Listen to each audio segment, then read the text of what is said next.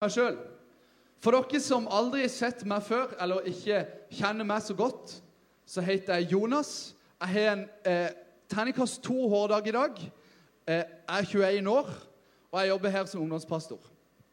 Det trives jeg veldig godt med, og jeg har gleda meg masse til taleserien i kveld, 'Ødelagt verden'. Du kan sikkert bare få opp den powerpointen med en gang. Åh. Det ble litt klein stemning allerede. Det er helt nydelig. Jeg gleder meg veldig masse. For vi har begynt en ny taleserie som heter 'Ødelagt verden', som dere så på videoen. Og første tema i den er sex. Og det her jeg meg utrolig masse til å snakke om, for det syns jeg er veldig spennende. Men jeg vil ta og begynne med å snakke om noe som er litt viktig i forhold til dette temaet her. Og det er hvordan vi i salen oppfører dere, følger med, mens eh, det jeg skal snakke om i dag. For dette er et tema som er helt fjernt for noen, som eh, på en måte det er så langt vekke at det er ikke vits å tenke på. Så det er noen som har opplevd dette veldig nært. Det er veldig sårt, det er veldig vanskelig. Og så er det noen som syns dette er litt flaut. Og til dere som syns dette er litt flaut å sitte og fnise og le Hvis dere ikke klarer å holde dere seriøse Dere får lov til å le når jeg er morsom, det er greit. det skal dere få lov til. Men i den seriøse delen så vil jeg heller at dere skal sette dere ut i kafeen i dag. Så seriøs er jeg. Jeg er kanskje litt streng, men fordi at pga. at dette er litt sårt for noen, og kanskje litt følsomt, så har ikke jeg lyst at de sitt møte med Gud som skal tale gjennom meg i dag Jeg vil ikke at dere som sitter og fniser, skal ødelegge for det. Skjønte dere det? Og underveis òg nå så håper jeg at jeg ikke sitter og ser på en måte noen som sitter og pirker eller fniser eller peker eller ler når det kommer til noen av disse tingene. For det kan faktisk være veldig vondt og veldig sårbart. Så tusen takk for det at dere har lyst til å følge med. Og jeg tror virkelig på en levende Gud. Jeg tror, Gud så, jeg tror, på en Gud som kan bruke meg. Jeg er ikke veldig fancy, jeg er ikke veldig spesiell, jeg er ikke veldig god. Jeg er full av feil og mangler og ting jeg gjør galt. Men jeg tror på en levende Gud som er så stor at han kan bruke meg her i kveld til på en måte være en slags høyttaler for det han ønsker å si inn i ditt liv. Så spiss ørene, åpne opp hjertene for hva Gud har lyst til å si til deg i dag. Som jeg sa, så er jeg full av feil og mangler. Og jeg vil begynne, helt, helt i begynnelsen i dag så vil jeg begynne med å si dette. Vi er alle mennesker fulle av feil og mangler. Fordi at jeg jobber i menighet, eller ja, jobber her, så betyr ikke det at jeg er ikke full av feil og mangler. Foreldrene til Jesus var fulle av feil og mangler. Jesus er det eneste unntaket som ikke var full av feil og mangler, fordi at han var Gud sjøl. Men alle andre mennesker før han og alle andre mennesker etter han har vært full av feil og mangler. Men Gud, han elsker oss for det. Han elsker oss så mye at han sendte Jesus for å dø for oss. For å dø for alle tingene vi gjør galt, og alle tingene vi gjør godt. Og Guds kjærlighet til oss mennesker den forandrer seg ikke uavhengig av hva jeg gjør bra, eller hva jeg gjør dårlig. Om jeg gjør dårlig hele mitt liv Alt, alt jeg gjør, er galt. sant? Jeg begynner å drepe masse folk. og Jeg begynner å banne og steige, og på en måte ting går helt skeis i mitt liv, så elsker Gud meg like høyt. Han elsker ikke det jeg gjør med mitt liv, men han elsker personen som jeg er. Og om jeg gjør godt, om jeg eh, finner ut problemet på all tørste i hele verden, sånn at alle kan få vann og drikke rent vann, og om jeg metter alle som er sultne, sånn at de, kan, de som er sultne, kan få noe å spise, det som er hunger, så elsker Gud meg like høyt. Han elsker meg ikke noe mer enn det. For Guds kjærlighet til meg, den er, og til deg som sitter her, den er uforanderlig, den er evig, og den er ufortjent. Vi har ikke fortjent å få den, men vi gjør det likevel. Og jeg vil begynne med å fortelle dette. Jo, nemlig fordi at når vi snakker om sex, så er faktisk det for mange en sånn greie som hvis du først har hatt sex med en annen person så er det ikke så lett å gå tilbake igjen fra det. Er dere med på den? Det er ikke så lett å bare plutselig en dag så våkner du opp, og så har det aldri skjedd. Det skjer ikke. Men Gud, han er nådig. Sant? Og nådig vil si at han tilgir, han elsker oss. Og om det er skjedd, så er det ikke sånn at alt håp med ditt liv er ute. Du kan aldri tro på Jesus igjen. Gud elsker deg ikke. Det er ikke en plass til deg i himmelen. Det er ikke realiteten.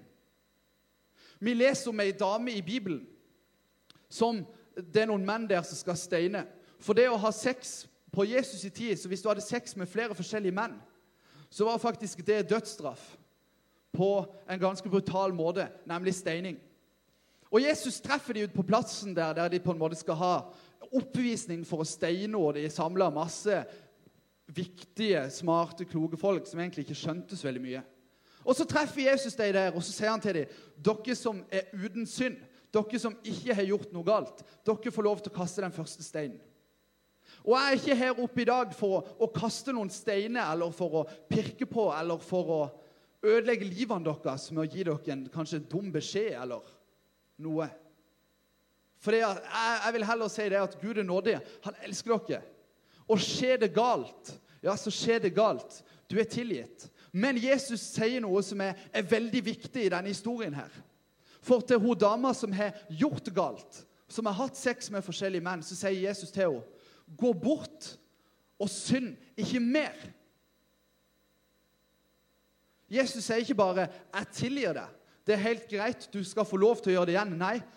Jesus sier 'Jeg elsker deg, jeg tilgir deg'. Det er greit at det er skjedd, men gå bort og synd ikke mer. Og Det er utrolig viktig å forstå.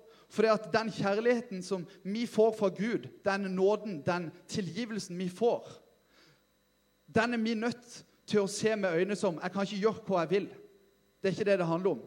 Det handler om at OK, han elsker meg så mye, så da har jeg lyst til å leve livet mitt best mulig, renest mulig for han. Vi skal snakke om sex. Hvem her vet hva sex er for noe? Ja, Hvis du ikke rekker opp hånda, har du sover du, eller? Sant? Jeg tror alle, Hvis du seriøst ikke vet hva det er, så må du komme og snakke med meg etterpå. Jeg kommer til å sitte her framme, og så skal jeg be for deg. Eh,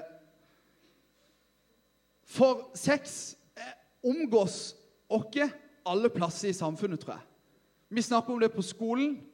Du har kanskje hatt en dritkleine samtale hjemme med pappa. Den jeg har hatt om blomsten og bien og alt det der. Og det er så sykt flaut! Jeg dør. Ok. Og i sosiale medier, på TV, eh, TV-program som Paradise Hotel, Ex on the Beach Hvis du ser, jeg, jeg, jeg, har ikke fulgt med, men jeg har sett at det eksisterer. Og jeg har sett et sitat derfra av ei jente som var med på Paradise Hotel denne sesongen, som jeg har hengt meg litt opp i, og som jeg har tenkt på. Hm, det er sant. Men du tar feil.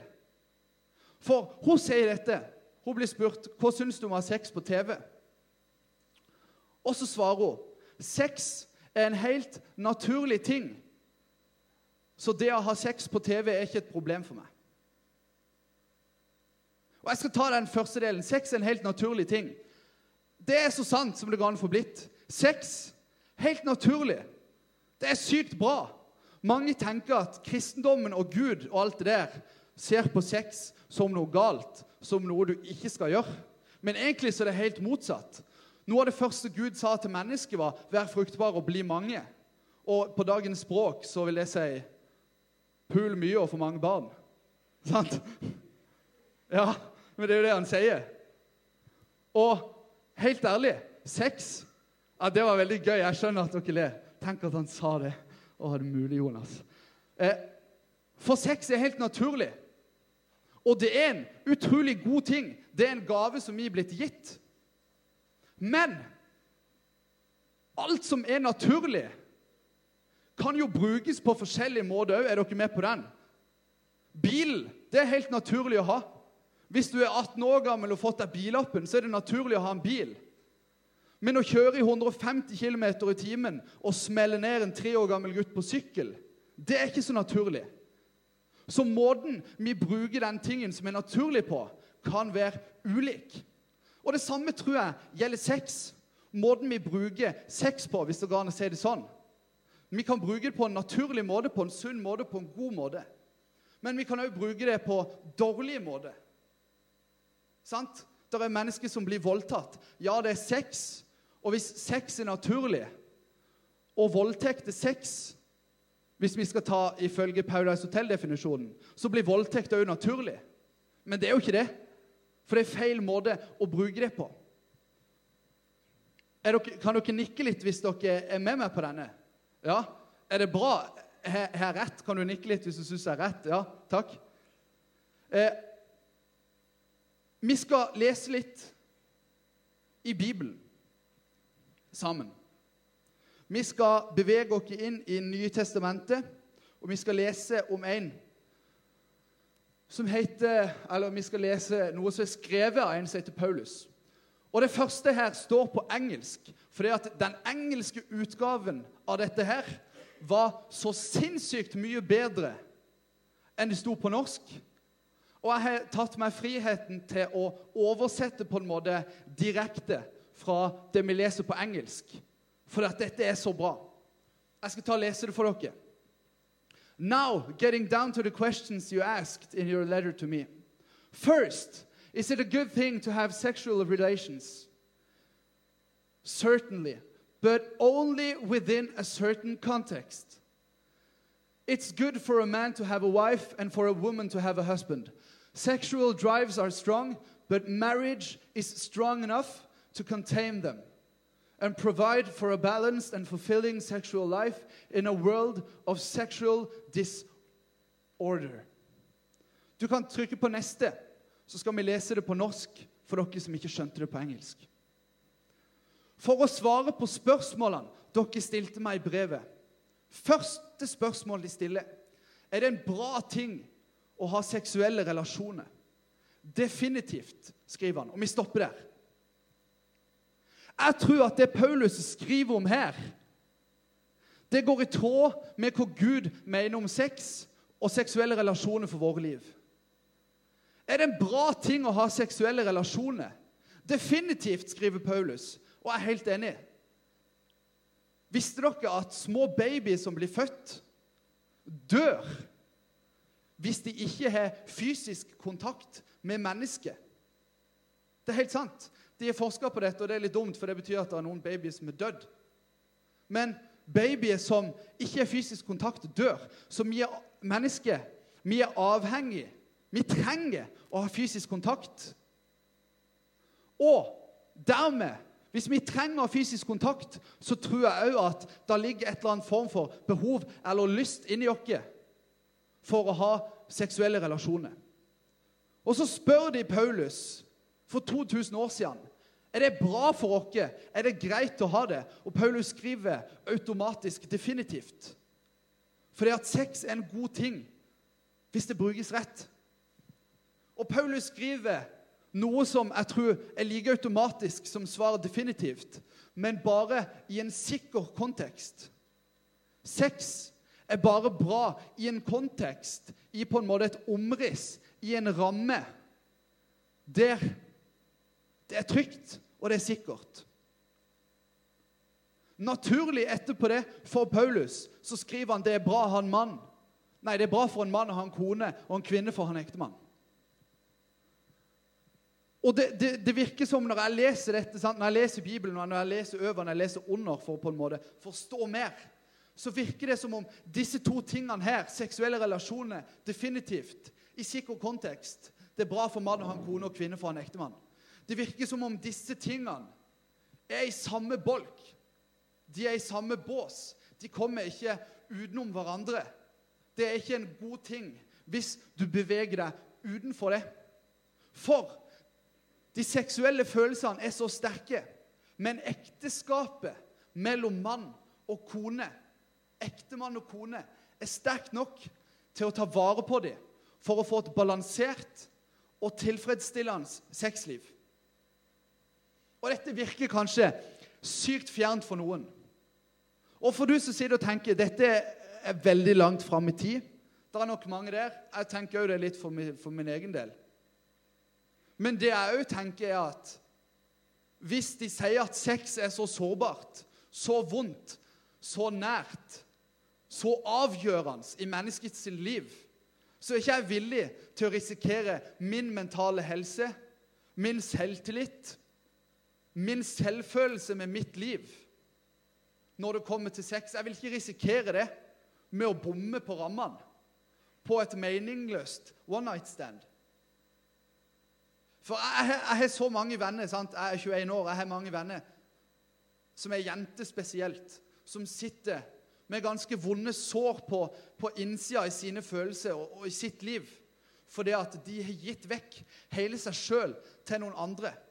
De forteller meg at det, det virker som de har revet ut en del av sjela si som de ikke får igjen.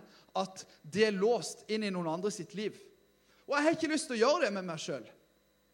For hvis jeg vil gi noe av meg sjøl, hvis jeg vil gi noe av sjela mi, så kan jeg like så godt gi det til noen som har forplikta seg, som har lovt, som har betalt 100 000 kroner for å være sammen med meg for evig tid. sant? 100 000 er ca. det et bryllup koster, hvis dere ikke skjønte det. Ekteskapet er sterkt nok til å ta vare på, de, på, på deg, på mann og kone, for å få et balansert og tilfredsstillende sexliv i en verden full av seksuell uro. Å, kjære tid. Hvis det var seksuell uro for 2000 år siden, så skal jeg love deg at det er det i dag. Jeg tror ikke jeg skal mer inn på telefonen og trykke på Instagram, trykke på forstørrelsesglasset på utforsk og blar sikkert i ti minutter. Det er for det meste Fortnite på min feed, men før da kom et eller annet sexrelatert. Og jeg, jeg, er relativt overbevist om at jeg verken følger eller kikker veldig mye på typiske brukere som legger ut liksom mye sånn nesten-nagebilder og bikini og alt mulig.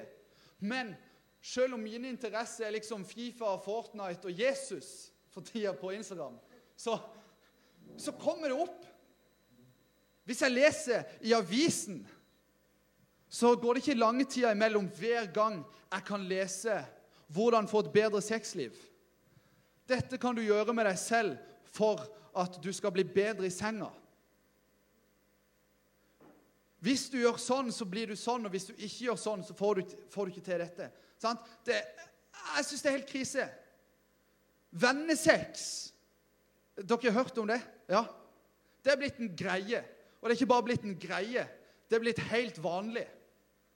Jeg vet ikke her på lista, men i hvert fall i større byer som Vanse og sånn. Nei da, kødda. Vanse er jo bare en plass. Eh, vennesex. Det er blitt en greie. Det er blitt vanlig. Jeg skjønner det ikke! Hva tenker de med? Hæ? One night stands har vært en greie i alle herrens år. Det at du bare treffer noen random folk, og så er du sex, og så er det slutt, og så er det dritkleint hver gang du ses igjen. Etter det har skjønt. Jeg har aldri prøvd det, og jeg har ikke lyst til å prøve heller. Men ikke bare nok med på en måte de meningsløse. Alderen på gutter og jenter som har sex sammen med sin kjæreste eller for første gang, den synker for hvert år. Siste greia jeg leste, var at den seksuelle debutalderen for jenter var 16 år. Men det var en undersøkelse i 2011. Jeg garanterer deg at det er lavere enn det. Og hvis det er gjennomsnittsalderen, så betyr det at det er folk som er yngre, og det er folk som er eldre enn dette, som debuterer med sex. Og det er sikkert noen her inne som har gjort det. Og ja, Gud er nådig. sant? Jeg er ikke her for å fordømme det, men jeg er her for å fortelle at Gud, som har skapt jorda, som har skapt våre liv, har òg gitt noen rammer for å plassere den delen av livet tryggest mulig. For å bevare deg sjøl, for å bevare ditt hjerte. Og Jeg vil avslutte med å snakke litt, bare litt generelt om dette. For det at Det er forbi. Takk. For det at sex er en greie som er litt flaut å snakke om. Det er det. Kan du nikke hvis du syns at det er litt flaut? Hvis liksom du skulle sittet deg hjemme med, med middagsbord med mamma og pappa Du har just spist dessert, liksom, og så skal de ta den praten. Det er litt kleint. Og i Kirke-Norge, ikke minst, så har det vært et tema som ikke er blitt snakka om i det hele tatt i mange år. Det resulterte i at de, snak, de som gikk i kirka, når de ikke snakka om det i kirka, så ble det et tabu. Det ble vanskelig å snakke om hjemme. Det ble vanskelig å snakke om med vennene. Det ble vanskelig å snakke om ektemannen eller kona de hadde sex med. Og det er et kjempeproblem.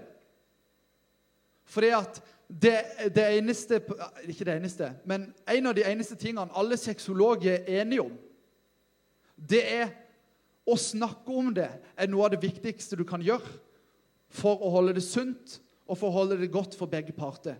Det å ha en dialog om sexlivet er fornuftig.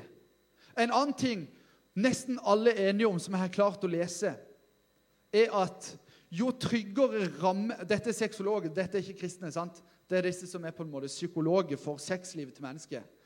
De sier det at jo tryggere setting, jo mer forplikta mennesker som har sex, er til hverandre, jo bedre er det for enkeltmennesket, jo bedre er det for hver og en av dem.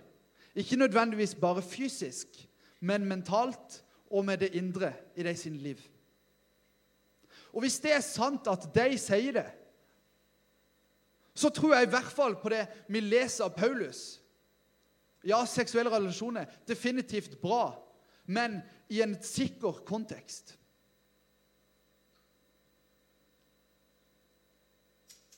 Og jeg har lyst, og jeg har valgt å ha denne taleserien for å begynne å snakke litt om dette. For det at jeg opplever ikke at undervisninga dere får på skolen, er god nok, er relevant nok. Og jeg opplever ikke at det er undervisning som tar vare på deres liv, deres mentale helse, deres indre. Det er mer praktisk. Sånn, hvordan gjør du det? Og hvis du skal lære noe om det, så må du gå og finne det ut sjøl. Men jeg vil gi et råd til alle dere som sitter her inne i dag. Og det er et råd som er dritvanskelig. Helt ærlig, jeg syns det er dritvanskelig. Nå har ikke jeg kjæreste, men jeg hadde. Det var dritvanskelig. Og det er fortsatt dritvanskelig når jeg kommer til å få kjæreste igjen. Først og fremst snakk sammen om sex. Snakk sammen om dere ønsker å ha sex før eller, før eller etter dere gifter dere. Snakk sammen om hvorfor eventuelt en av delene. Nummer to prøv å vente. Hvis Gud skapte sex, og noe av det første han sa til mennesket, var 'vær fruktbar og bli mange', så er det en viktig ting. Det er en viktig ting som Gud har gitt dere. Og hvis han har gitt dere noen rammer, så tror jeg at det oppleves best innenfor de rammene. Det oppleves tryggest innenfor de rammene. Og da anbefaler jeg på det sterkeste Prøv for alt i verden, alt i din makt og alt i din kraft, for å holde det. Ting nummer tre jeg har lyst til å anbefale dere. Hvis det skal være sånn at dere ikke klarer å vente til dere gifter dere Snakk med noen om det. Hvis du kjenner at det er vondt, det er sårt, du har egentlig ikke lyst, men kjæresten din presser på ikke bare bit tennene sammen og på en måte vent ut til det slutter å fungere mellom dere. Snakk med noen om det. Ta tak i det. Og så tilgir Gud. Gud er nådig. Han elsker dere. Han tilgir dere. Hvis, hvis, det skulle skje noe galt, hvis det skjer noe vondt, eller du gjør noe som ikke er rett i livet. Vi skal ta og be.